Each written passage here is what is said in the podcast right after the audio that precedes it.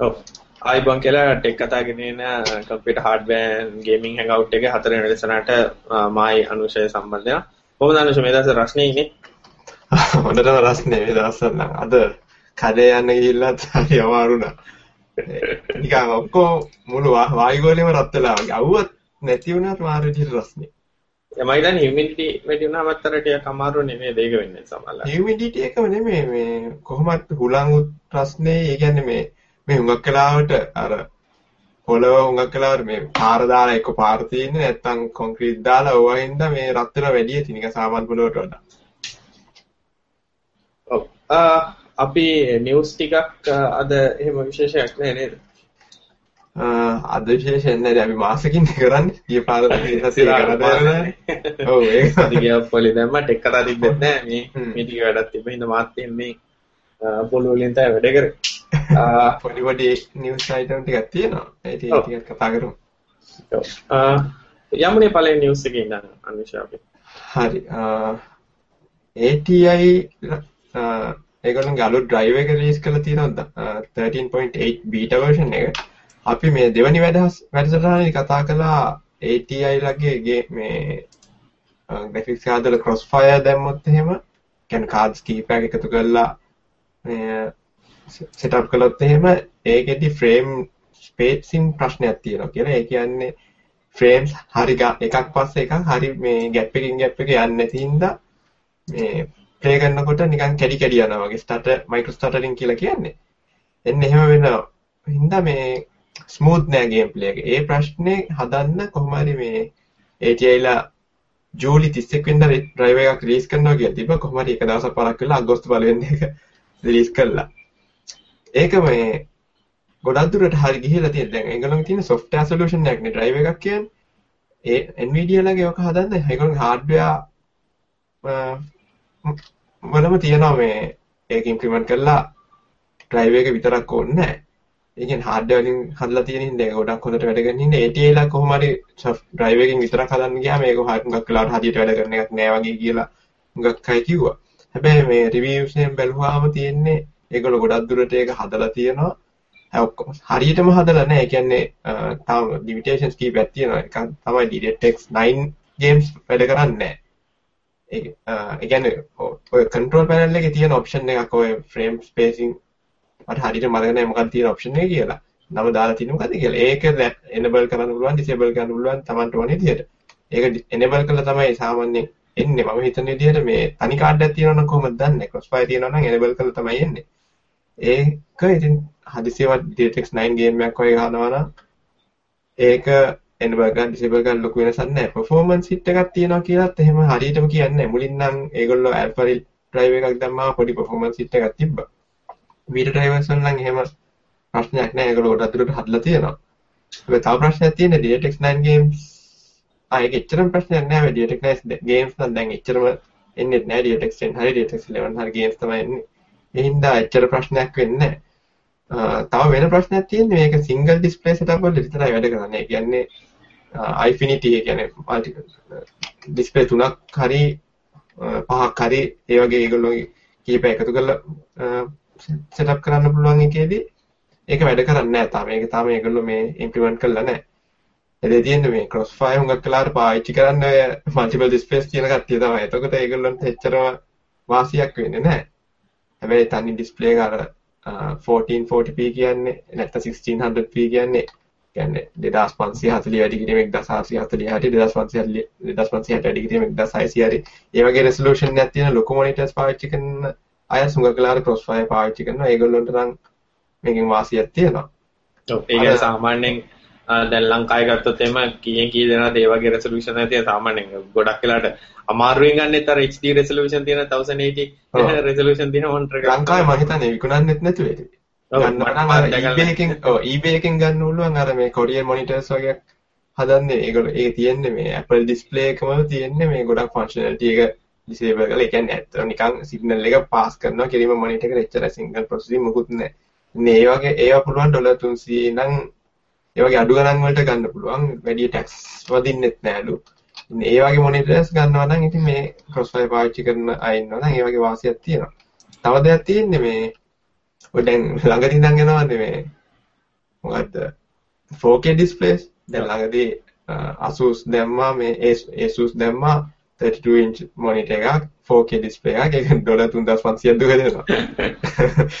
ඒ ඒකෙත් තියෙන ප්‍රශ්නේ මේ ඒක 60 Hz වලින් වැඩ කරන්න නම් ඒකත් ඕනේ dual monitor එකක් විදිහට වැඩ කරන්න. ඒ කියන්නේ display connection දෙකක් ඕනේ.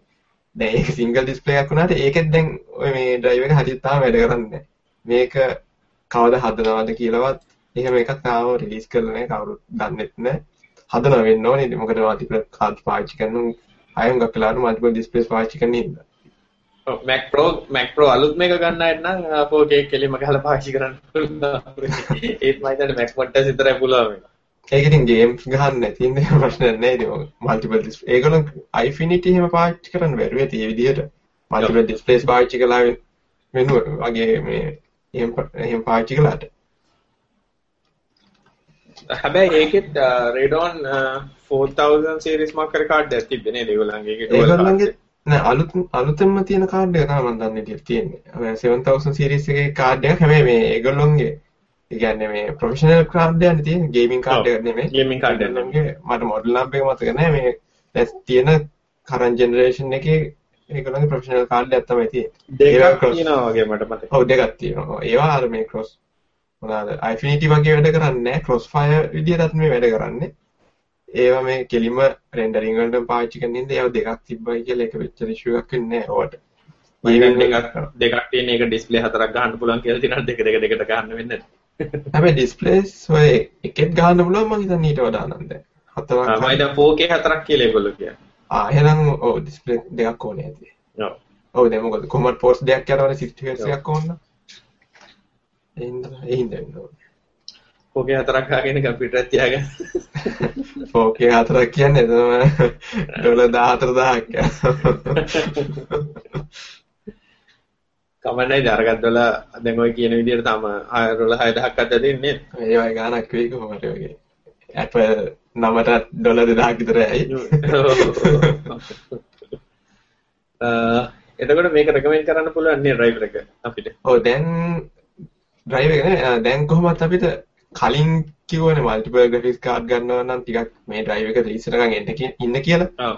Nvidia කාඩ්ස් තමයි රෙකමෙන්ඩ් කළේ මේ වෙනකන්. දැන් ප්‍රශ්නයක් නැහැ. අර සිංගල් ඩිස්ප්ලේ ගන්නන් තියෙන්නේ තව DTX 9 games ගහන්න නැත්තම් කොහොමද DTX 9 games ගහන්න නම් ඉතල පවර් එකකුත් ඕනේ තියෙන තව ඒක ඒක කාඩ් ඩිසේබල් කරලා ගන්නත් පුළුවන්. ඒතකොට අතින් ප්‍රශ්නේ කොහොමත් නැහැ. ඒ ඉන්න මේ දැන් නම් ක්‍රොස්ෆයර් ගන්න එක ප්‍රශ්නයක් නැහැ කියලා කියන්න පුළුවන්. අර ප්‍රශ්න අර මල්ටි Infinity පාවිච්චි කරන්නේ නැත්තම්. ඊළඟට ATL කාඩ් වල මිල අඩු වෙච්චක් තියෙනවා නේ අපිට. ඔව් ඒක මේ ඊයේ පෙරේද වෙච්ච දෙයක්. කොහොම හරි ඔය ඩ්‍රයිව් එක ගොඩක්ම මේ ප්‍රශ්නයක් උනේ ඒගොල්ලෝගේ මේ enthusiast level card එක කියන්නේ 79 70 cards දෙකක් GPU දෙකක් එකතු කරලා ගම 79 90 කියන card එක. ඒක රිලීස් කළාට ඩ්‍රයිව් එකේ වෙනකොට රෙඩි වෙලා තිබ්බේ නැති හින්දා ගොඩක් ප්‍රශ්න තිබ්බා. ඒ කියන්නේ හුඟක් අය කියන්නේ කාඩ් එකේ රෝ පර්ෆෝමන්ස් තිබ්බට ඒක හරියට ඩිලිවර් කරන්නේ නැහැ. කියන්නේ මේ තනි කාඩ් එකක් වගේ සමහරලාට වැඩ කරන්නේ. ඒ ඉන්න ඩොලර් 1000කට ඒක රිලීස් වුණේ. එතකොට ඒක ගන්න එකේ කිසිම වාසියක් නැහැ. එක්ක Nvidia කාඩ් එකක් ගන්න නැත්නම් තනි කාඩ් තනි මේ තනි GPU එකක් තියෙන කාඩ් එකක් ගන්නවා කියලා තමයි රෙකමෙන්ඩ් කළේ. කොහොමද දැන් මේ ඩ්‍රයිව් එක රිලීස් කරාට පස්සේ ඔය ප්‍රශ්නේ නැහැ. දැන් ඔය කාඩ් එක තමයි මේ දැන්ට තියෙන වේගවත්ම ගේමින් කාඩ් එක තියෙන්නේ. කියන්නේ Nvidia ලයි කාඩ් දෙක කාඩ් වලටත් වඩා මේ ඒගොල්ලෝ Titan කියලා කාඩ් එකක් තියෙනවා තනි GPU එක තියෙන. ඊට පස්සේ dual GPU තියෙන තියෙන GTX 690 කියන එක. ඒ දෙකටම වඩා මේකේ performance වැඩි. දැන් ඔක්කොම අලුත් drivers ඒ කියන්නේ මේ අවුරුද්දේ මුලින් ඉඳන් මුලින්ම Nvidia cards වල තමයි performance වැඩි වෙලා තිබ්බේ GTX 680 වගේ release වෙච්ච හින්දා.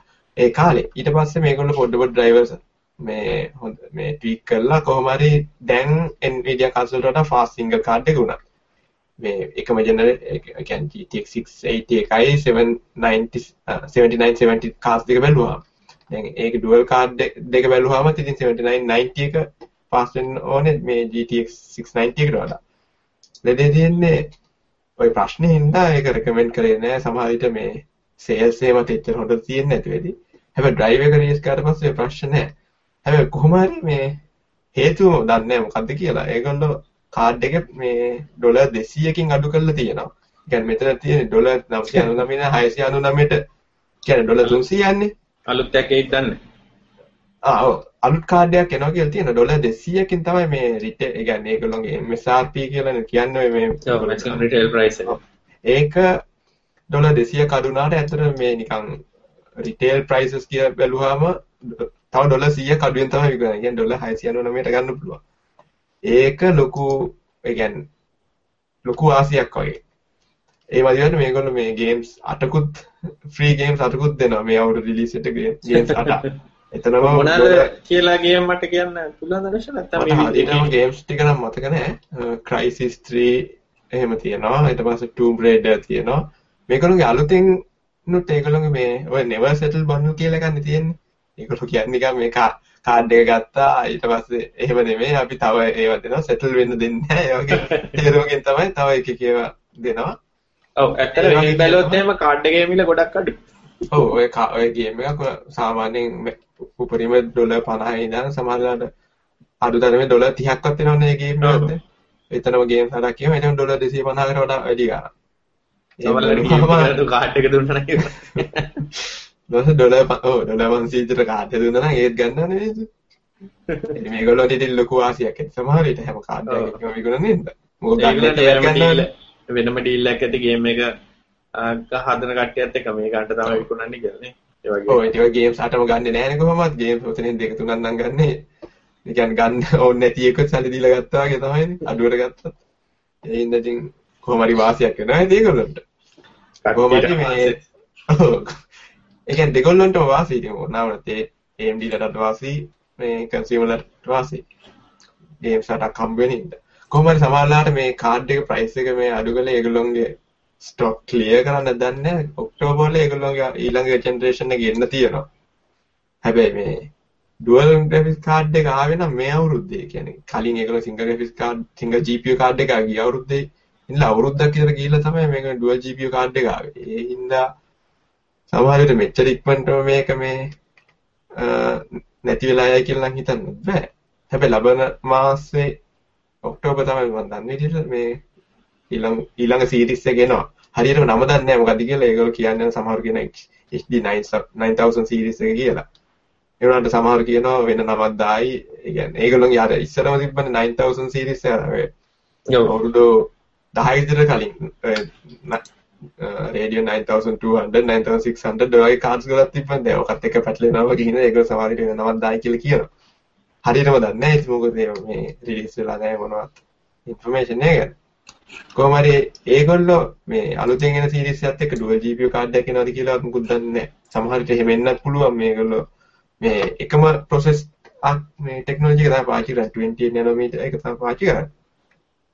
ඒ ඉන්න සමහර විට මේ දැන් ඒකත් ට්වීක් කරගෙන ඇවිල්ලා හින්දා දැන් ඒකේ yields උඩ වැඩි වෙලා දැන් හොඳට හොඳට මේ සිලිකන් ඒ කියන්නේ මැනුෆැක්චරින් process එක හොඳට මේ perform කරන්න ඉන්න සමහර විට ඒගොල්ලන්ට dual GPU කාඩ් එකක් රිලීස් කරන්න පුළුවන් වෙයි මේකම. ඒගොල්ලෝගේ අනිත් සිංගල් GPU කාඩ්ස් එක. එහෙම වුණොත් ඉතින් මේ කාඩ් එක මාකට් එකේ තිබිලා වැඩක් නැති නිසා සමහර සේල් සේල්ස් නේ මේ මේගොල්ලෝගේ ස්ටොක් ක්ලියර් කරන්න හරි. එහෙම දෙයක් දන්නේ. ගොඩක් වෙලාට ඉතින් අඩුවෙන් රිලීස් එකක් දාන්නේ තව එකක් එනකොට අර අරක ස්ටොක් එක අයින් කරලා තියෙන ටික අඩු කරගන්න තමයි නේද? හැබැයි කොහොමද මේ ගානට මේ අඩු වෙන එක හොඳයි. නැත්තම් දැන් සාමාන්‍යයෙන් මේගොල්ලෝගේ high end දැන් Nvidia ලගේ high end single GPU card එකක් දැන් ඩොලර් 650කට යන්නේ. ඉස්සර ඩොලර් 500 ගානේ හුඟක් කාලයක් තිස්සේ තිබ්බේ. ඉතින් ඒකත් ඒගොල්ලෝ වැඩි කළා කියන්නේ AMD ලත් එහෙම වැඩි කරගෙන ගියොත් එහෙම අන්තිමේදී ඒක 650 සෙටල් වුණොත් එහෙම කන්සියුමර්ලට පාඩුයි. ඔව්. ඒ 500 වගේ කොහොම හරි ඊළඟට AMD රිලීස් කරන කාඩ් එක ආවොත් එහෙම එක්කෝ ඒ Nvidia ලට ඒගොල්ලෝ කාඩ් එකේ ප්‍රයිස් එක අඩු ගන්න වෙනවා නැත්නම් මේගොල්ලන්ට මොන හරි ඔය never settle bundle එක වගේ ඒගොල්ලන්ට මොන හරි දෙන්න වෙයි. කොහොම හරි ඉතින් කන්සියුමර් වාසි නම් ඉතින් මෙච්චරයි. ඊළඟ නිවුස් එකේ තියෙන්නේ Nvidia Shield එක නේද? ඔව් Nvidia Shield කියලා ඉතින් කාලේ කියන කතාවක් තිබ්බ මේ Nvidia portable game gaming device එකක් ගහනවා කියලා. හුඟක් වෙලාවට PlayStation පෝටබල් වගේ ඒක තමයි හරියන්නේ නිකන් පොඩි ස්ක්‍රීන් සයිස් එකක් තියෙන්නේ ලොකු ඩිස්ප්ලේ එකට ගහලත් නෙමෙයි ප්ලේ කරන්නේ කෙලින්ම ඩිස්ප්ලේ එකත් මේ මේ ඒ ඩිවයිස් එකේමයි තියෙන්නේ අඟල් පහක. පොඩි පොඩි එකේ ෆෝන් එකක් වගේ තමයි බැලුවා. Android රන් වෙන්නේ Android tablet ඒ කියන්නේ tablet එකක් විදිහට වැඩ කරන්නත් පුළුවන්. කියන්නේ pure Android තියෙන්නේ. 4 processor එකක් 2GB RAM මේ වගේ සාමාන්‍ය Android දැන් high end Android tablet එකක තියෙන spec එක තියෙනවා මේ size එක තමයි පොඩි. ඉතින් ගොඩක් කලාර කරලා තියෙන්නේ හැබැයි HDMI mini එකක් එහෙම තියෙන ඕනනම් මොනිටර් එකක් ගහ ගන්න ඒවත් පුළුවන්. ඔව් ඒකත් පුළුවන්. ඉතින් I can කන්සෝල් එකක් විදිහට පාවිච්චි කරන්න පුළුවන්. සාමාන්‍යයෙන් performance බැලුවාම ඉතින් සාමාන්‍ය Android අලුත් high end Android මේකක් වගේ ටැබ්ලට් එකක් වගේ තමයි. ඒ ඕකේ මේ hardware controls තියෙන හින්දා joystick කනම්මා තියෙන හින්දා මේ සංගොක්ක කියන්නේ touch screen එක ගේම් එක හදනට වඩා ඕක natural ගහන් ගේම්ස් ගන්න ඒවා ලේසි කියලා. උතන වාසියක් තියෙන්නේ මේගොල්ලෝගේ මේ streaming service එකක් තියෙනවා. stream කරන්න පුළුවන් PC එකකින්. ඒ කියන්නේ Nvidia card එකක් තියෙනවා නම් PC එකේ තියෙන game stream කරන්න පුළුවන් මේ tablet එකට. එහෙම කරාටම ඒ කියන්නේ දැන් Android වල දුවන්නේ සීමිත ගේම්ස් ප්‍රමාණයක් නෙවෙයි සීමිත පවර් පවර් එකක් දෙන්න පුළුවන් ඔය මේ ටෙක්න 4 එකක් කියන්නේ නිකන් පොඩි ARM මේකන්නේ ARM processor එකන්නේ ඒ ඒ වහින්දා කොහොමද process මේ PC එකේ නම් ස්ට්‍රීම් කරන්න පුළුවන් නම් හැම ගේම් එකම ගහන්න පුළුවන්. හුඟක් අය දැන් ඕක කියලා තිබ්බේ ඔය ස්ට්‍රීම් කරනවා කියන්නේ ඉතින් කියන්නේ වයර්ලස් ස්ට්‍රීම් කරන්න වෙන්නේ කොහොමද?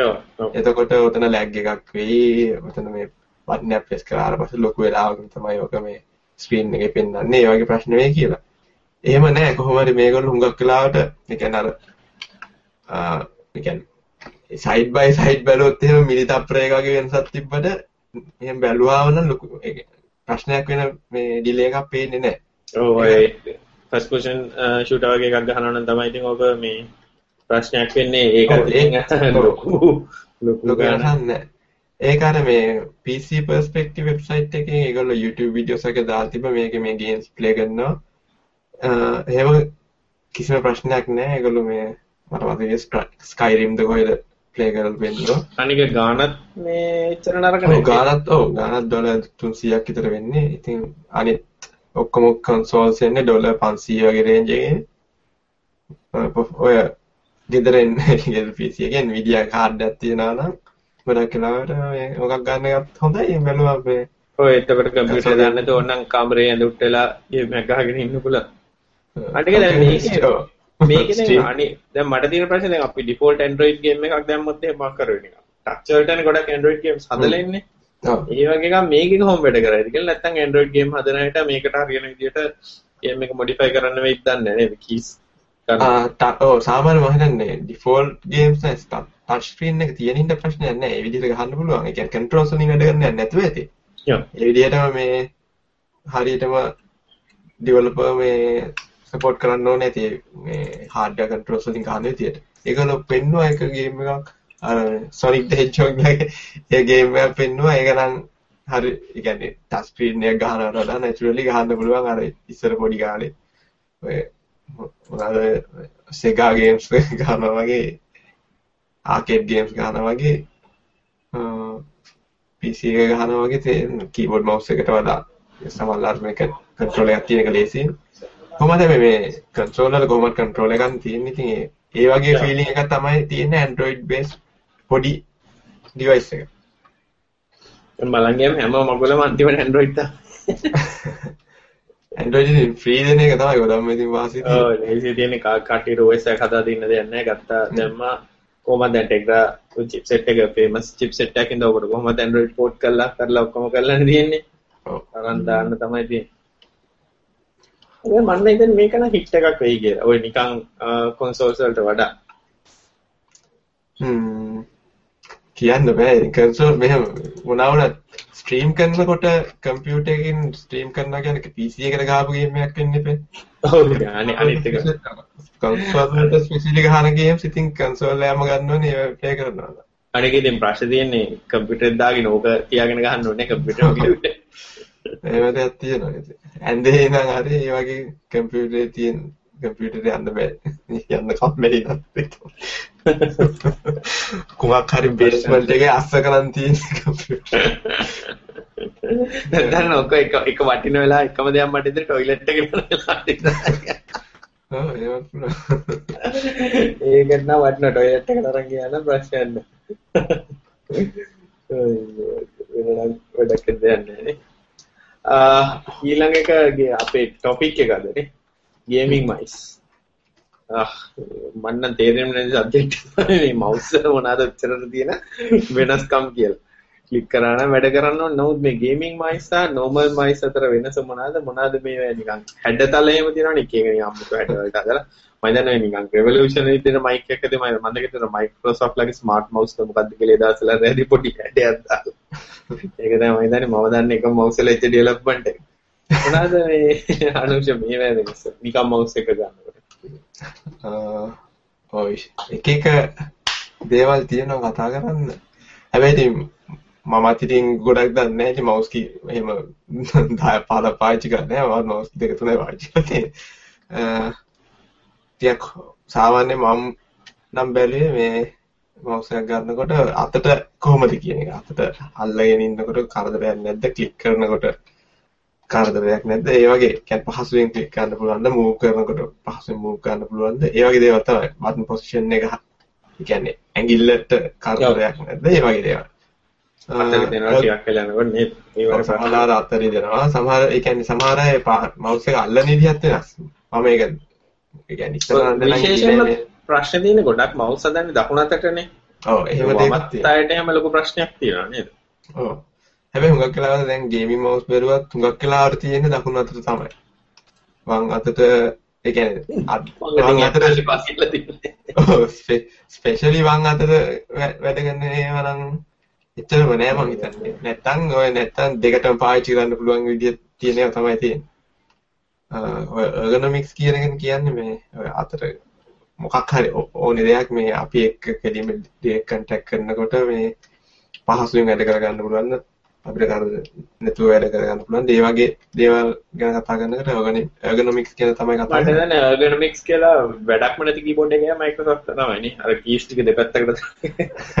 හැබැයි ටයිප් කරන්නට නම් ඒක හොඳයි. වෙන කියන්නේ ටයිප්ම කරනවා. වෙන ගේම් ගාලාට නම් ඒක තේරුම් ගන්න නෑ හිතන්නේ.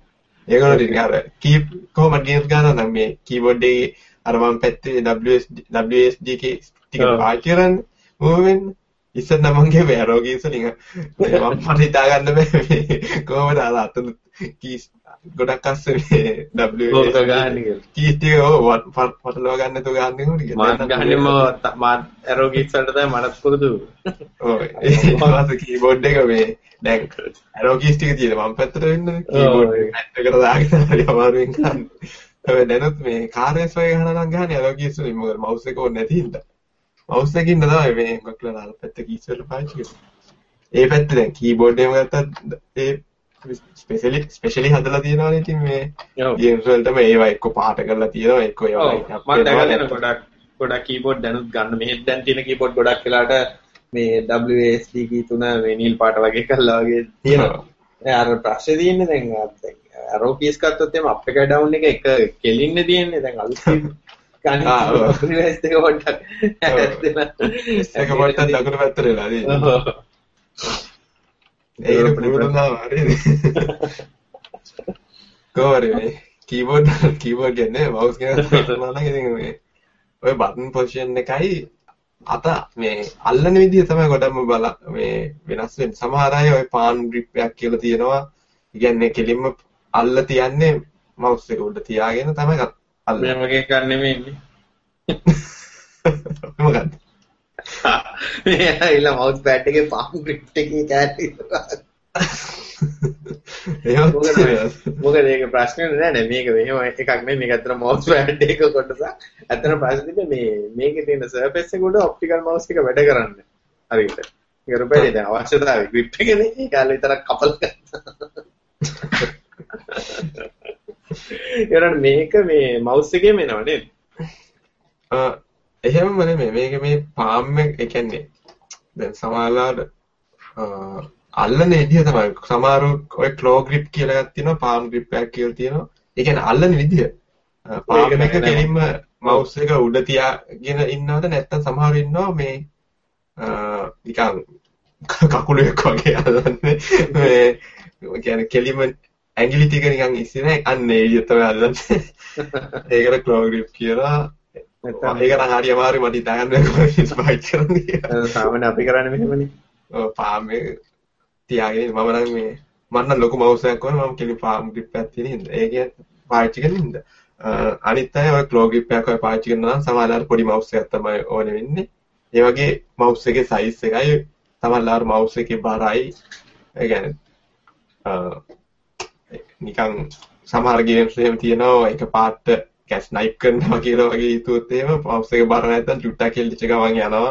ඒ වුණාම එම් කරගන්න බෑ. එන්නේ ඒ වගේ ප්‍රශ්න ඉන්න මවුස් එක බර වැඩි වෙන තරමට ඒ වගේ ගේම්ස් ගන්න අයට මවුස් එක බර වැඩි වෙන තරමට වාසි. ඒව කරන්න මේ ඔය මවුස් වල දැන් එනවා වේට් දාන්න පුළුවන්. ඒ කියන්නේ වේට් කාර්ට්‍රිජ් එකක් තියෙනවා. වේට් කාර්ට්‍රිජ් මේ වේට් වේට්ස් කීපයක් තියෙනවා. එක එක ඒවා දාලා බර Tamanට ඕන ගානට ඇඩ්ජස්ට් කරගන්න පුළුවන්. ඒ වගේ දේවල් කරලා රුපියල් 5ක් දාන්න පුළුවන්. ඒ වගේ එක ඒවා තමයි ඉතින් ගේමින් ගේමින් මවුස් කියලා කියන්නේ. තව දෙයක් තමයි මේ බටන්ස් තියෙනවා දුසිමක් විතර. තාවන්නේ අපි දන්නේ බටන්ස් තුනයි එක ඉස්සර නම් බටන්ස් දෙකයි ආවේ රයිට් ක්ලික් එකයි ලෙෆ්ට් ක්ලික් එකයි දැන් මිඩල් ඊට පස්සේ කාලයකට පස්සේ මිඩල් ක්ලික් එකකුත් ආවා. ඒක පස්සේ ඒක රෝල එකක් වුණා. දැන් අන්තිමේදී ඒ ඒ මිඩල් ඒ රෝල එකක් බටන් එකක් විදිහට පාවිච්චි කරන්න පුළුවන්. දැන් ගත්තොත් එහෙම තම් බටන්ස් එනවා. එක්ක එකක් නෙමෙයි. දැන් මම පාවිච්චි කරන්නේ තම් බටන්ස් තුනක් තියෙනවා. ඊට පස්සේ රෝල එක එක්කෝ ටිල්ට් කරන්න පුළුවන් වමටයි දකුණටයි. ඊට පස්සේ කැඩෙන්න පුළුවන්. මගේ අතින් නම් කියන්නේ පාරක්ම කැඩුණා වගේ ටිල්ට් කරන්න ගිහලා. ඊට පස්සේ මේ තව තියෙනවා එක්කෝ DPI එක වෙනස් කරන්න. ඒකත් තව ෆීචර් එකක්. ඔය DPI එක දැන් 7000 8000 ඔය වගේ DPI තියෙන මවුස් තිකුණා. කිසිම තේරුවක් නැහැ. නිකන් මාකටිං මේකක් විතරයි. සාමාන්‍යයෙන් සාමාන්‍යයෙන් 2000 කියන්නේ වැඩිත් එක්ක නේද 2000 උත් වැඩි ඒක ඉතින් මේ 800 800 සාමාන්‍යයෙන් එන මවුස් නම් 800 වගේ තමයි කියන්නේ ගේමින් නැතත් සාමාන්‍යයෙන් එන මවුස් 800 වගේ 400 වගේ තියෙන ඒවා තියෙනවා නේද දැන් නම් 800 වගේ තමයි එන්නේ. 2000 වගේ දාන සමහරලාට මේ මොකද්ද? මවුස් කන්ට්‍රෝල් පැනල් එකෙන් මේ පොඩ්ඩක් ඒක Windows control panel එකේ mouse එකේ පොඩ්ඩක් speed එක අඩු වෙලා ඒක 2000 වලට set කරගන්න හරි. මම බැලුවා මේ කොහමද? ඒක අඩුම කරලා ඊට පස්සේ sensitivity එක වැඩිම කළාම වාසියක් තියනවාද? එහෙමත් නෑ මං හිතුවේ එහෙමයි කියලා වලින් ඒ කියන්නේ Windows control panel එකෙන් mouse sensitivity එක අඩු ඒක අඩු කරලා මේකේ මේ DPI එක වැඩි කළාම නිකන් මේ ස්මූත්ලි අයිද කියලා. කියන්නේ දැන් මෙහෙම වම ඉඳන් දකුණට ඉක්මනට කරනකොට දැන් කියන්නේ තනින් තනින් තනින් පොයින්ටර් යන්න ඉක්මනට කළොත් එහෙම පේන්නේ. එහෙම නැතුව දිගටම පේන්නේ නැයිද? ඒ වගේ කියලා. එහෙමත් නැහැ. ඒක තේරුවක් නැති දෙයක් වගේ තමයි පේන්නේ. කෙලිම මාකටිං. මාකටිං වැඩන්නේ දැන් අර නම්බරනේ ගොඩ බලලා මෙගාපික්සල් කැමරාලාගේ දැන් දැන් මම ඉතින් 30 දශකෙන් මෙගාපික්සල් 100 ක විතර කැමරා එකක්. ඒක 40 ගණන් දාලා හදලා නේද? ඔය මෙගාබයිට් 200 ක විතර පික්චර් එකක් තමයි ෆොටෝ එකක් තමයි සේව් වෙන්නේ. ඒ ක්වොලිටි එක අර අර තිබ්බ චරාම තමයි වෙන දන්නේ ඈ. ෆයිල් එක ලොකයි. ඔව් 4K ඩිස්ප්ලේ එකකවත් ඉතින් බලන්න බෑ. වැඩක් නැහැ. තේරුවක් නැහැ. 4K එකක් හරියන්නේ නැහැ. ඕනේ මේ 12K 16K වගේ ඕනේ. ඒකේ full resolution මේ පොඩි වෙන්නේ නැතුව වගේ බලන්න ගන්නට. native resolution එකෙන් බලන්න ඕන. හැබැයි මේ print කරනවා නම් හොඳයි. සාමාන්‍ය අයට තේරුමක් නෑ. posters posters වලට මොන හරි ෆොටෝ එකක් අරගෙන edit කරනවා නම් එන්න ඒවා අතර අඩි 15 20 විතර post එකක් ගන්න. ඒ වගේ දෙයක් ඕනේ. ඒ වගේ print කරනවා නම් නිකන් සාමාන්‍ය දේවල් වලට ඉතින් ඒකත් මාකටිං තමයි. තව තියෙනවා polling rate එක කියලා තියෙනවා. ඒකත් මේ sensitivity එකටම බලපාන එකක් තමයි. 120 Hz 125 තමයි සාමාන්‍යයෙන් mouse වල තියෙන සාමාන්‍ය USB polling rate එක කියන්නේ ඒක. mouse වලට game mouse වලට ඒක 1000කට වෙනකන් support කරන්න පුළුවන්. එතකොට මේ ඒ කියන්නේ position එක ඉක්මනට ගන්නවා වගේ පොඩි position වෙනස් වීමක් වුණත් අඳුර ගන්න පුළුවන් මේ ඉක්මනට. කියන්නේ දාස් පාරක් චෙක් කර කර ගවන්නවා කොතනද තියෙන්නේ කොතනද තියෙන්නේ ඒ වගේ කියලා. බලනකොට ඉතින් ඒකත් තේරුවත් නැහැ බැලුවා මේක සාමාන්‍යයෙන් 125 කියන එක ඉඳන් 125 ඉඳන් නිකන් 250ට වගේ යනකොට වෙනසක් තේරුණාත් නිකන් 18 යනකොට නම් කිසිම තේරුමක් තේරෙන්නේ නැහැ. හැබැයි ඉතින් සමහර කියනවා තේරෙනවා ලොකුවට එහෙම කියලා ඒක ඉතින් එක එක අයට මෙහෙම දැන් ඔය මේ සමහර කියනවා ගේම් එකක් ගහනකොට මේ FPS එක 30ක් තියෙන එක හොඳටම ඇති කිසිම ප්‍රශ්නයක් නැහැ සෑහෙන ස්මූත් කියන සමහර කියනවා 60ක් ඕනේ කියලා සමහර කියන 120ක් ඕනේ කියලා. ඉතින් එක එක අය මල්ලා 24යි තියෙන්නේ. ෆිල්ම් 24යි තියෙන්නේ. අර ඒකත් අර මේ 60ට වගේ මේ අප් ස්කේල් කරා මේ නිකන් අමුතු අමුතු ඉෆෙක්ට් එකක් තියෙයි. ඒකට සමහර කැමති නෑ ඊට පස්සේ. ඒ වගේ එක එක ඉතින් ඒක Tamanට තේරෙන විදිය තමයි. හැබැයි හුඟක් වෙලාවට ඒ ගේමින් මවුස් එක කියලා ගත්තොත් හුඟක් වෙලාවට මේ 1000 Hz වෙනකම් පොලින් රේට් එක සෙට් කරන්න පුළුවන්. ඉතින් එක එක ඒවා try කරන් බලන්න පුළුවන් Tamanට හරියන්නේ මොකද්ද කියලා. ඔය සාමාන්‍යයට ගේම් එක බැරි ගහන ගන්න බැරි කමටත් මවුස් එක පිටින් යන්න පුළුවන්. ඒක තමයි ඉතින් ඔය කරාට වෙන්නේ ඔය මේ පුළුවන් පුළුවන් අයට එච්චර ඔක අදාළ නැහැ. තව ඉතින් මේ ඉස්සර ඔය මවුස් එක USB port එකට ගහුවා. ඊට පස්සේ වැඩ කළා. දැන් ඉතින් මේ software එනවා එක එක විදිහට. තාටික කාලෙකින් කෑ USB 2 mouse එකට 3 එක fast 3 එක fast කියලා කියයි සොෆ්ට්වෙයාර් නම් සපෝට් එක තියෙන්නේ හොඳයි. සමහරවිට මම මේ ගේම්ස් වලට වඩා හුඟක් වෙලාවට පාවිච්චි කරනවා. මේ ඇප්ලිකේෂන් වල නිකන් Chrome browser එකේ වගේ හරි මේ keys map කරලා පාවිච්චි කරනවා. මේ ටැබ්ස් ක්ලෝස් කරන්න හරි අලු ටැබ් ඔපන් කරන්න හරි බැකන් ෆෝත් යන්නේ. වගේ එකක බුක් මාක්ස් පෙන්න්න ගන්න. ඒ වගේ දේවල්වලට මේ සයින් කරල පාච්චි කරන්න පුලන් ඒ වගේ වාසනම් තියෙන සොෆ්ටයක එහකි කී මේ කීස් මැප් කරන්න පුළුවන්. තව මැක්රෝස් හල් මේ රෙකෝඩ් කරලා පේ කරන්න පුලන් ඉදවෙනික මෝස් මූමන්ට ඔටමේට් කරන දරගත හැමතිසම මාකරක කලික් කර කර මාකරක කරන්න න්න ඒකට මවසකොට මේට් කල දන මේ කලික් කර පංගල බදිසම එන්නේ වගේ දේවල් තමයි software support එකේ තියෙන. හුඟක් වෙලා ඉතින් gaming කියලා කිව්වේ නැතත් හුඟක් වෙලා දැන් ඔය මේ high end mouse ඔක්කොම දැන් gaming grade වගේ තමයි.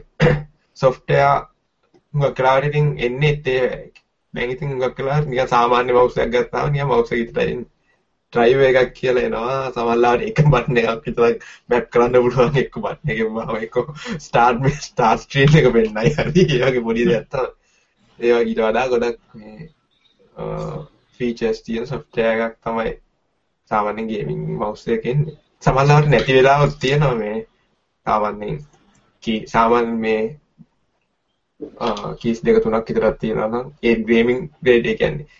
ඔය පොලින් රේට් එකයි DPI එක වැඩි. ඒ වගේ දේවල් තියෙන ඒත් එච්චර ෆීචර්ස් නැති මේ මවුස් වගේ තියනවා නම් ඒ වගේලා සොෆ්ට්වෙයාර් එකක් ඉන්නෙත් නැති වෙන්න පුළුවන්. තව තියෙනවා මේ ලේසර් දැන් ගොඩක් වෙලාවට එන්නේ මවුස් ලේසර් ලේසර් ට්‍රැකින් තියෙන්නේ ඉස්සර ඉස්සර බෝලේ නෙමෙයි රෝලර් එකක් තමයි බෝලේ ගුණ ගියාම ඔක්කොම ඉවරයි ට්‍රැකින් ඊට පස්සේ ඔප්ටිකල් ආවා. ඔප්ටිකල්ද ලේසර්ද කියලා හොයන්න ක්‍රමයක් තියෙනවා ලේසර් නම් බෝනින් එකක් ගහලා දෙන්නේ ලේසර් ලේසර් කියලා. මේක නම් ගහලා තියෙනවා ගේමින් ග්‍රේඩ් ලේසර් කියලා ලේසර් කිව්වම පේන්නේ මොකුත්. මේ ඔව් මේ එලියක් එන්නේ නැති වර්ෂන් එක. එලියක් එන්නේ ඔව් එලියක් එනේවත් තියෙනවද දන්නේ එලියක් එන්නේ නැහැ මේක නෑ මේක නෑ ලේසර් නේ මේක නෑ එලියක් ඔව් ඔප්ටිකල් නම් එලියක් එනවා සාමාන්‍යයෙන්. ඔව් ඒක නිකන් LED ලයිට් එකක් එන්නේ. ඔව් හැබැයි සමහර අය කියනවා ලේසර් වල ප්‍රශ්න තියෙනවා. ඒ කියන්නේ ඇක්සලරේෂන් ප්‍රශ්න තියෙනවා කියලා. සමහර ඔප්ටිකල් ඒවා ඒ කියන්නේ අර සෙන්සිටිවිටි නැති නැතුව DPI කොහොමද තෝරන්නේ කිව්වනේ ඒ ඉන්න සමහරවිට ඔප්ටිකල් මවුස් වලට කැමති අය ඉන්නවා මේ රේසර්ලගේ ඩෙත් ඇඩර් කියලා අර හුඟක් මේ පොපියුලර් මවුස් එකක් තියෙනවා ඒක තියෙන්නේ ඔප්ටිකල් හැබැයි මම හිතන්නේ ඔප්ටිකලුයි ලේසර් අතර ලොකුම වෙනසක් තිබ්බ මම නම් හිතන්නේ මේ මවුස් එක වැඩ කරන සර්ෆේස් එක තමයි ප්‍රශ්නයක් වුණත් ප්‍රශ්නයක් වෙන්නේ. මොකද මාත් ඒක නම් නෝටිස් කරලා තියෙනවා. උදාහරණයක් ගත්තොත් එහෙනම් මගේ මවුස් පෑඩ් එක කපන්න හේතුව සාමාන්‍ය ගොඩක් මවුස් මේකේ වැඩ කරනවා. නමුත් මගේ මේ Logitech මේක M210 කියන එක වැඩ කරන්නේ නැහැ. ඒක මේ සුඩ හොඳට වැඩ කරනවා. ඔක ඔප්ටිකල් මවුස් එක. ඔප්ටිකල් එක. ඔප්ටිකල් නේ. සමහරවිට ඒක සර්ෆස් උත් තියෙනවා. දැන් මවුස්. ගැන කතා කළා වගේම ඊට පස්සේ මවුස් පෑඩ් ගැන කතා කරනවා නම් ඒකත් ලොකු පුල් මේ කතාන්දරයක් ඔව් ලේසර් වලට ඒක ට්‍රැකින් සර්ෆස් එකක් තියෙන්න ඕනේ ඊට පස්සේ ඔප්ටිකල් මේක ලේසර්. වලට ආපු එක.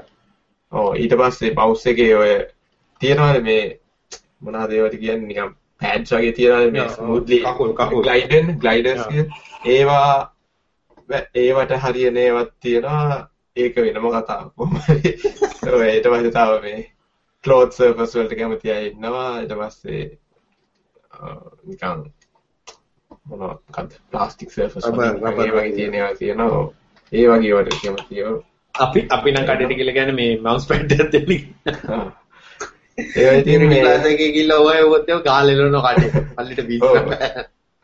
කොහොම හරි මේ ඔය ලේසර් එකයි ඔප්ටිකල් වලයි ඔය මේ සර්ෆස් එක එච්චර අදාළ වෙන්නේ නැහැ හැම ගේම් එකකම මොකක් හරි හොඳ මවුස් පෑඩ් එකක් තියෙනවා. මොනවද සමහර වෙලාවට VG එක අඩයක් නැහැ හරියකට මවුස් නම් තියෙනවා. මවුස් පෑඩ් එකේ කීබෝඩ් ඔක්කොම තියෙනවා. මොකක් මේ කට්ටිය ප්ලේ කරන්නේ මේ? මොකද්ද මොකද්ද එක Call of Duty ඔව්, ඒ ඒ වගේ Counter Strike හරි ඒ වගේ එච්චර මේ graphics ඉන්ටෙන්සිව් නැති ගේම්ස් ගහනකොට ඉතින් graphics card එකක් ඕනේ නැහැ වුණාට මේ මල්ටිප්ලේයර් ගහන ඉන්න මේගොල්ලන්ට හැම කීබෝඩ් මවුස් ඔක්කොම ටික ඕනේ. ඒව තමයි ඉතින් මවුස් ගැන ඉතින් කතා කරන්නේ ගේමින් මවුස් ගැන කතා කරන් තියෙන්නේ. ඉතින් මේ මොනවා වුණත් මේ මවුස් ගැන විතරක් නෙමෙයි keyboard mouse monitors speakers headset ඔක්කොම තමන්ගේ ශරීරෙත් එක්ක මේ කන්ටැක්ට් වෙන දේවල් මේ තමන් ගිහිල්ලා තා පාවිච්චි කරලා බලලා තමන්ට හරියන එක ඕනේ ගන්න කවුරුත් කියන දේවල් වලට වඩා කියන්නේ ඔය ඩීටේල්ස් හොඳයි මේ මේ DPI එක බලන එක එච්චරම වැඩක් නෑ ඒ වගේ දේවල් කියන එක හොඳ වුණාට අන්තිමේදී තමන් තීරණය කරන්න ඕනේ තමන්ට හරියන්නේ මොකද කියලා. පාවිච්චි කරලම් බලන්න වෙනව නේද? ඔය කියන්නේ නිකන් රිවිව් එකක් කියවපු වගේ ඒ කියන්නේ CPU එකක් ගැන හදන VGA කාඩ් එකක් ගැන වගේ නම් මේ ඒක කෙලිම පේන performance මෙච්චරයි මේක කියලා. අපි ගා- ඒක කෙලිම direct contact එකක් නැහැ.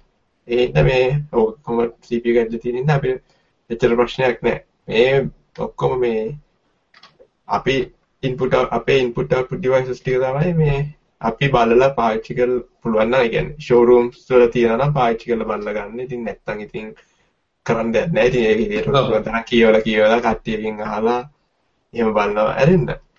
කොහොම හරි ඒක තමයි ගොඩක් මවුස් වල ගේමින් මවුස් එකක් කියපු වලියට අරගන්න නැතුව හරියට මේ අතට හරියනවා කියලා බලලා ගන්න එක තමයි කරන්න ඕනේ. ගොඩක් අය කියන්නේ ඉතින් කට්ටිය කියන එක අහලා ගන්නවා මිස තමන්ට හරියන එක ගන්නව නෙමෙයි. ඔව් එහෙම තියෙනවා. ඉතින් මොනවා වුණත් ඉතින් හැමදේමත් නැහැ නේ ඉතින් තියෙන දේවල් වලින් ලංකාවේ මොනවද කරගන්න කඩේ වෙලාවට කඩේ තියෙන එක තමයි ඉතින් හොඳ මේක. ඔව්. හරි ඉතින් ලංකාවේ විජේ කාඩ් එකක් ගන්න ගියා. සාමාන්‍යයෙන් විජේ කාඩ් එක මට ඕනේ කියලා කිව්වම කියන්නේ 1GB එකක් දුන්නේ 2GB එක. ඔව් සමහර අය ඉන්නවා මේ 4GB කාඩ් අරන් තියනවා පුළුවන් තරම් අඩුම GPU එක තියෙන්නේ. ඒක GT 630 වගේ ඒ කියන්නේ low end කාඩ් එක 4GB. ඒක වරදට මේ ඒකේ ඔය මෙමරි එක පාවිච්චි කරලා මේ RAM drive එකක් හදාගන්න පුළුවන් ඒක දෙයක්. ඒවත් තියෙන ටික තමයි. ඊට පස්සේ කියනවා මේ මගේ 4GB කාඩ් එකක් තියෙන ගේම් ගන්න. ඔව්.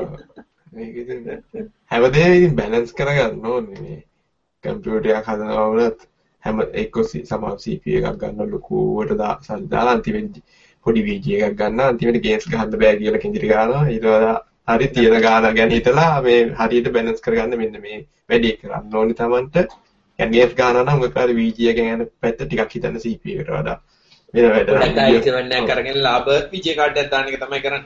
ඔව්. ඒ මොකද සාමාන්‍ය CPU එකට වඩා හොඳ VG කාඩ් එකක් ඉතින් ගණන්නේ කොහොමද? ඔව් ඔව්.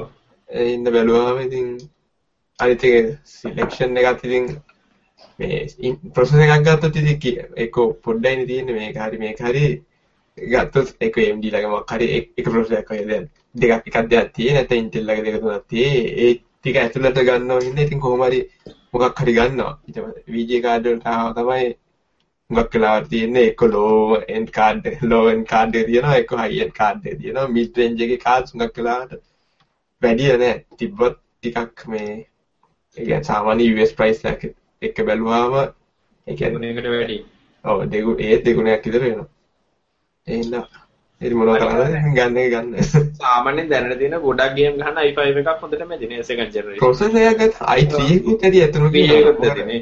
ගේම්ස් ගන්නකොට මේ උඟක් කලාවට 1080p නම් 1080p ස්පීඩ් එක නම් ගන්න උඟක් කලාවට VG එක තමයි ඕනේ වෙන්නේ. මොකද ඔක වෙනස වෙන්නේ මෙහෙමයි රිවිව්ස් වල දානවා මේ CPU එක ගත්තොත් මේ FPS 100කින් වැඩ කරනවා i3 එක ගත්තොත් 80කින් වැඩ කරන්නේ. ඉතින් හිතනවා හරි මේ i7 එක ගන්න ඕනේ කියලා බැලුවම 80 100 අතර ඒ කියන්නේ 60 පේන නිසා නෑ 60ට වඩා එනවා නම් හුඟක් වෙලාවට මේ හොඳටම ඇති. මම 60 හුඟක් වෙලාවට ඔය ඔව් ඩීටේල්ස් ඔක්කොම මේ දාන එකක් තේරුම් නැහැ. සමහරව ඉතින් මේ ඒගොල්ලන්ගේ වීජේ කාඩ් එක ඒක සල්දීලා ගත්ත වීජේ කාඩ් එක නේ ඉතින් ඩීටේල්ස් ඔක්කොම දාලා අන්තිමේදී ෆ්‍රේම් 25කින් ඉඳලා ගහන හරි අමාරුයි. ඊට වඩා හොඳයි මේ ඔය ටිකක් බලලා මේ මොන සෙටිංස් වලින්ද ලොකු ඉම්පැක්ට් එකක් තියෙන්නේ කියලා බලලා ඒවා අයින් කරලා මේ හුඟක් වෙලාවට ඔය මේ ෆීචර්ස් ඔය සෙටින්ග්ස් ඩීටේල්ස් වල තියෙන සෙටින්ග්ස් 20ක් විතර තියෙනවා එකක දෙයකින් තමයි ලොකු ඉම්පැක්ට් එකක් තියෙන්නේ. ඒව ටික හොයලා ඒව අයින් කරලා ගහනවා නම් හුඟක් වෙලාවට මේ යාර ප්‍රයිඩ් එක නෙමෙයි මේ ලොකු වීඩියෝ ගන්න ඇත්තේ ඒ වගේ නෙමෙයි ඊට පස්සේ තමයි මේ ගහන්නේ ඒකේ එක්ස්පීරියන්ස් එක ගොඩක් වෙලාවට වැදගත්. ඒ වගේම අර Nvidia එකක තියෙනවා GeForce Experience කියලා ඒ software එක ඒගොල්ලෝ ඒක මේ දාලා තියෙන්නේ හුඟක් වෙලාවට හුඟක් අය කරන්නේ ගේම්ස් ගන්නකොට ඒක ගේම් එකට යනවා එච්චර සෙටින්ග්ස් බලන්නේ නිකන් ගහනවා ගේම් එක. හුඟක් වෙලාවට තියෙන්නේ ගේම් එක ඔටෝ සෙට් වෙන්නේ එක්ක ලෝ ලෝ ඩීටේල්ස් එක්කෝ මේ හරියට ඒ කාඩ් එකට මැච් වෙන්නේ නැති ඩීටේල්ස් ඒ පර්ෆෝමන්ස් වලට. එහෙන් බැලුවාම ඉතින් කටි කියනෙට ගේම් එක වැඩක් නැහැ ලස්සනක් නැහැ ඒ වගේ කියලා එහෙම මොන හරි කියනවා ඇති. හොඳ මේ ඒ වෙනුව ඒ හින්දා GeForce Experience කියලා Nvidia software එකක් ගහලා තියෙනවා. ඒකේ සිස්ටම් එකේ කම්පියුටර් ඉන්ස්ටෝල් කරලා තියෙන ගේම්ස් බලලා ඒවට හරියන ඒක සිස්ටම් එකේ තියෙන GPU එකයි CPU එකයි ඒව බලලා හොඳම මැච් වෙන settings ටික දාලා මේ දාලා දෙනවා ඔප්ටිමල් settings එක ලෝඩ් කළාම හොඳටම ප්ලේ කරන්න පුළුවන්. ඒ කියන්නේ ස්මූත්ලි ප්ලේ කරන්න පුළුවන් settings ටික දාලා දෙනවා. හැබැයි සමහරවිට ඒක ඉතින් හරියටම වෙන්නේ නැහැ. ඉතින් මේ නමුත් අර තමන් හිතලා එම්මයා කරගන්නට වඩා හොඳ මොකක්ද කියන්නේ ඔව්. මේ ඉන්තුසියස්ලා ඉතින් මොනවා කළත් සොෆ්ට්වෙයාර් දුන්නත් අද වැඩක් නැහැ. ඒගොල්ලෝ කොහොම හරි ඒගොල්ලන්ට ඕන වැඩේ කරගන්න. සාමාන්‍ය අය එක්ක බැලුවාම එහෙම සොෆ්ට්වෙයාර් එකක් තියෙන එක වටිනවා. ඒ වගේ මේ හැම එකම මැක්සිමම් දාලා ගන්නවට තමන්ගේ ගේකට හරියන සෙටින්ග්ස් ලෝඩ් කරලා ගන්න එක තමයි ඉතින් වක්මුද ඊළඟ ටොපික් එකට යමුනේ අපි ඔව් තමයි දැන් අපි කතා ගියා එක එක තැන් ඩීටේල්ඩ් අපි මයි දන්නේ ගිය සතියේ කරේ SSD නේද? ගිය සතියේ කියන්නේ ඉස්සෙල් එපිසෝඩ් දෙවෙනි පාර දෙවෙනි සතියේ. ඔව් දෙවෙනි සතියේ කරේ SSD නේ SSD වලට අලුත් නිවුස් ටිකක් තියෙනවා නේද? ඔව් අලුතෙන් Samsung අලුත් මේ SSD එක ගාලා තියෙනවා. ඒ කියන්නේ ඔය හැමදාම අලුත් SSDs නම් එනවා. ඒ වුණාට මේ මේකේ විශේෂ දේවල් කීපයක් තියෙනවා කතා කරන්න. Samsung ලගේ 840 කියන series එක තමයි ඒගොල්ලෝගේ top end consumer මේ SSDs තියෙන 840 standard එක තියෙනවා 840 Pro කියලා එකක් තියෙනවා. ඒකේ මේ 840 ඒ දෙකේ වෙනස ගත්තොත් එහෙම TLC එකක් standard එකේ පාවිච්චි කරන TLC. ඒ කියන්නේ triple level cells අර මේ MLC 840 Pro එකේ තියෙන MLC. කියන්නේ multi level ඒ කියන්නේ at multi level දෙකයි. level දෙකයි level 2 level cells කිව්වොත් හරියි. එන්න ඒ හින්දා කොහොම හරි 840 ස්ටෑන්ඩඩ් එකේ ලයිෆ් ටයිම් එක අඩුයි. අඩු කියන්නේ තියරිටිකල් ලයිෆ් ටයිම් එක අඩුයි. කියන්නේ ප්‍රැක්ටිකලි බැලුවොත් ඒත් අවුරුදු 30ක් විතර උනත් පාවිච්චි කරන්න පුළුවන්. සාමාන්‍යයෙන් ඔය දවසකට ගිගබයිට් 100 ගිගබයිට් 10 ගානේ ටයිප් කළා. දහවසකට SSD එකට ගිගබයිට් 10ක් ටයිප් කරනවා කියන එක වෙන්නේ නැති ගානයි වගේ. ඒ බැලුවා මේ අවුරුදු 30ක් උනත් පාවිච්චි කරන්න පුළුවන්. ඒ කියන්නේ ෆ්ලෑෂ් ගැන බැලුවොත් ඒ කියන්නේ කන්ට්‍රෝල් එක ඩැමේජ් මේ මොන හරි වෙන්න පුළුවන්කම් තියෙනවා ඉතින් ෆ්ලෑෂ් මෙමරි එක බැලුවොත් එච්චර කාලයක් පාවිච්චි කරන්න පුළුවන් කියලා තමයි කියන්නේ. කොහොම හරි මේ ඒක තව විශේෂ දෙයක් තියෙන්නේ 840 ස්ටෑන්ඩ් 840 ස්ටෑන්ඩඩ් එකේ රයිස් ස්පීඩ් එක අඩුයි ගොඩක්. ප්‍රෝ එකට වඩා නිකන් භාගයක් හරි ඊටත් වඩා අඩුයි මේ සයිස් එක වැඩි වෙද්දි ඒ කියන්නේ 120 ඉඳන් 120 250 500 වෙනකන් සයිසස් තියෙනවා. 120 ගොඩක් හතරෙන් එකක් වගේ තමයි මේ performance තියෙන්නේ. ඊට පස්සේ 120ට එනකොට තව 125ක් විතර වැඩි 200 දෙසිය පහරයන සිරිසක් විතර වැඩි 500 එනවා තව ටිකක් වැඩිලා මොනවා කළත් මේ 840 Pro එකක තරම් රයිට් ස්පීඩ් එකක් එන්නේ නැහැ. ඔය ඒකත් TLC වලම ප්‍රශ්නයක් තමයි. ඒක මේ ඒක හදන්න ඒගොල්ලෝ 840 Evo කියලා අලුතෙන් එකක් රිලිස් කළා. ඒක Pro එකයි ස්ටෑන්ඩඩ් එකයි අතර තියෙන එක. ප්‍රයිසිං බැලුවොත් එහෙම තියෙන, performance බැලුවොත් එහෙම තියෙන. මේකේ විශේෂ දේ තියෙන්නේ ඒකේ එක පෝෂන් එකක් තියෙනවා මේ ෆ්ලෑෂ් මෙමරි ඒක පාවිච්චි කරන්න පුළුවන් මේ SLC එකට MLC නෙමෙයි SLC එකට. ඒක සිංගල් ලෙවල් සෙල් එකක් විදියට. ඒ කියන්නේ රයිට් ස්පීඩ් එක සැහැණ වැඩි. ඒගොල්ලෝ ඒක නමක් දාලා තියෙනවා ටර්බෝ රයිට් කියලා. ඒකෙන් කරන්නේ එහෙම ගොඩක් රයිට් කරනවා නම් data මේ SLC SLC part එකට රයිට් කරනවා. ඊට පස්සේ මේ එන එන විදිහට එක්කෝ ලොකු බ්ලොක් එකක් අරගෙන එක්කෝ මේ TLC part එක රයිට් කරනවා. හරි ඒ වගේ දෙයක් කළා කොහොම හරි මේ රයිටිං ස්පීඩ් එක හොඳට තියාගන්නවා. සාමාන්‍ය ඒ ප්‍රෝ එකක් ලෙවල් එකටම නෑ මොනවා වුණත් ඒ කියන්නේ SLC විතරක් නෙවෙයි පාවිච්චි කරන්නේ TLC part එක පාවිච්චි කරන්න වෙනවනේ කොහොම හරි. ඔය ලිමිට් එකක් තියෙනවනේ. ඒ හින්දා මේ ප්‍රෝ එක ලෙවල් එකටම නෑ. හැබැයි ගොඩක් දුරට ප්‍රෝ එකට ආසන්න වශයෙන් පර්ෆෝමන්ස් තියෙනවා. ලයිෆ් ටයිම් එක ගත්තත් ඔය මේ ඔය ට්‍රික් එක හින්දා මේ ස්ටෑන්ඩඩ් එකට වඩා තියෙයි කියලා තමයි කියන්නේ. ඒගොල්ලෝ මේ ඒක හાર્ඩ් ඒ කියන්නේ කන්ට්‍රෝල් එක පැත්තෙන් කරපු දේ. ඔය TLC ද MLC ද කියන එක ෆ්ලෑෂ් වලට ෆ්ලෑෂ් මත රඳාපවතින දෙයක් නෙමෙයි. ඒක මේ එකම ෆ්ලෑෂ් මෙමරි එක මොනවා කරලා තියෙන්නේ. ඒක මේ මොන විදිහටද වෝල්ටේජ් එක ස්ටෝ මේ මොන වෝල්ටේජ් එකද සේව් කරන්න කියන මේ ස්ටෝ කරන්න කියන එක තමයි අන්න මේ බලන්න ඒක මේ කොහොමද කන්ට්‍රෝල් එකෙන් ඉන්ටර්ප්‍රිට් කරන්න කියන එක. එච්චරයි මේ වෙනස වෙන්නේ TLC එක MLC එක. ඒකට අමතරව මේ ඒගොල්ලෝ ඒගොල්ලෝ දැන් software එකක් තියෙනවා මේ Samsung Magician කියලා. ඒක SSD එකත් එක එන software එකක්. ඒකේ තියෙනවා එක එක දේවල් කරන්න මේ එක performance optimize කරන්න පුළුවන්. ඒ කියන්නේ garbage මේ garbage collection කරලා ඒවා මේ trim command එක නිකන් සාමාන්‍යයෙන් trim command එක විතරක් නෙමෙයි garbage collection එකෙන් කොහොම trim command එක කොහොමද OS එකේ තියෙනවනේ HCI ඉන්ටර්ෆේස් එක පාවිච්චි මේ මෝඩ් එක පාවිච්චි කරනවනේ trim command එකට අමතරව garbage collection වලින් තව කොහොම හරි ඒකට tweak කරලා performance optimize කරනවා. ඒ වගේ දේවල් තියෙනවා. ඕනනම් SSD එක ඉරේස් කරන්න පුළුවන්, benchmark කරන්න පුළුවන්, ඒ firmware update ඒ වගේ එක එක features එක. මේ drive එකට specially ආවා මේ Samsung Magician 8.2 ආ 4.2 මතකත් version එක මොකක්ද 4.2 වගේ මතක 4.2 එකේ තියෙන්නේ අලුත් ෆීචර් එකක් ඇවිල්ලා තියෙනවා. කැෂින් කියන්නේ රැපිඩ් මෝඩ් කියලා එකක්. ඒක මගේ එක මං ගාව තියෙන 840 ස්ටෑන්ඩඩ් එක. ඒකේ මේ ඒ ඔප්ෂන් එක නෑ. තාම ඒගොල්ලෝගේ වෙබ්සයිට් එකේ ඩවුන්ලෝඩ් කරන් දෙන්නේ 4.1 version එක විතරයි software එකේ. 4.2 එකේ ඉන්නේ මේ driver එකත් එක්ක. ඒකේ තියෙනවා රැපිඩ් මෝඩ් කියලා එකක්. ඒකෙන් කරන්නේ ඔය මේ සුපර්ෆෙච් තියෙන Windows වල ඒ වගේ දෙයක්. ඒ කියන්නේ මෙමරි එක පාවිච්චි කරනවා මේ ස්ටෝ කරන්න. ඒ කියන්නේ බෆර් කරන්න ඕනේ. බෆර් කරන්නයි රයිට් කරනවා නම් මෙමරි එකට තමයි මුලින් රයිට් කරන්නේ. ඊට පස්සේ පොඩ පොඩ ඩ්‍රයිව් එකට රයිට් කරනවා. ඒ කියන්නේ බෑගේ පොඩි අවුලක් තියෙනවා දැන් අපි ලංකාවේ ජීවත් වෙනවනේ කපට. ඒ ප්‍රශ්නේ තියෙනවා ඒ ප්‍රශ්නේ ඔව් ඒ ප්‍රශ්නේ තියෙනවා. ඒක මේ කොච්චර දුරට හොඳ හරියට වැඩ කරනවාට කියන එක ඉතින් මේ ඔය වගේ දෙයකදී ඇරෙන්න ඉතින් හිතා ගන්න බෑ. පව ගියාම මොනවද වෙන්නේ කියන එක තමයි ඕකෙන් ගොඩක් බෙනිෆිට් බෙනිෆිට් ගන්න පුළුවන් වෙයි ඩේටාබේස් වලට වගේ සිස්ටම් වලට ඒ වගේ ඒ කියන්නේ ගොඩක් එක්කෝ රයිට් දිගටම රයිට් කරන්නේ වගේ.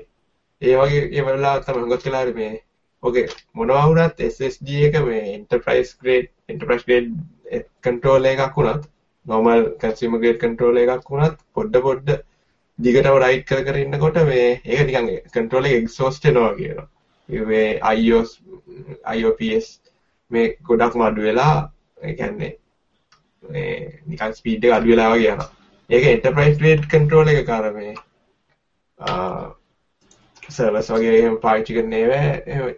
ඒක ගොඩක් දුරට අඩුයි. ඒ කියන්නේ ඒකක් තියෙනවා. අච්චර අඩු වෙන්නේ නැහැ සාමාන්‍ය consumer grade SSD එක වගේ. මොනවා consumer grade SSD එකක් පාවිච්චි කරන්නේ සාමාන්‍යයෙන් boot drive එකක්, OS drive එකක්, ඒ කියන්නේ applications දාන්න ඒ වගේ විතරයිනේ. මොකක් හරි write කර කර තියන්නේ නැති හින්දා එච්චර issue එකක් නැහැ. මේ consumer grade ඒක තමයි මේ enterprise grade SSD එකයි consumer grade SSD එකයි ගොඩක් වෙලාට වෙනස් තියෙන. එකම flash තමයි හැම එකකින් පාවිච්චි කරන්නේ. ඔය control එක ගොඩක් වෙලාට මේ ඊට වඩා ගොඩක් ස්ට්‍රෝං කියන්න පුළුවන්. එන්නේ ඒ වගේ ඒව ඒම සිනාරියෝ එකක සමහර වෙලාවට මෙමරි මේ මෙමරි පාවිච්චි කරන එකෙන් වාසියක් වෙන්න පුළුවන්. මොකද ඒ වගේ දෙයකදී හුඟක් වෙලාවට එක්කෝ UPS එකක් වගේ හරි මොන හරි විදිහකින් පව යන්නේ නැති විදිහට හදලා කන්ෆිගර් කරලා නම් තියෙන්නේ මේ වගේ එකකින් වාසියක් වෙන්න පුළුවන්. හැබැයි මේක ඩිෆෝල්ට් ඔන් වෙන්නේ නෑ මම හිතන්නේ. හුඟක් වෙලාවට හුඟක් රිවිවර්ස්ලා ඒ ගැන කතා කරලා තිබ්බේ නෑ.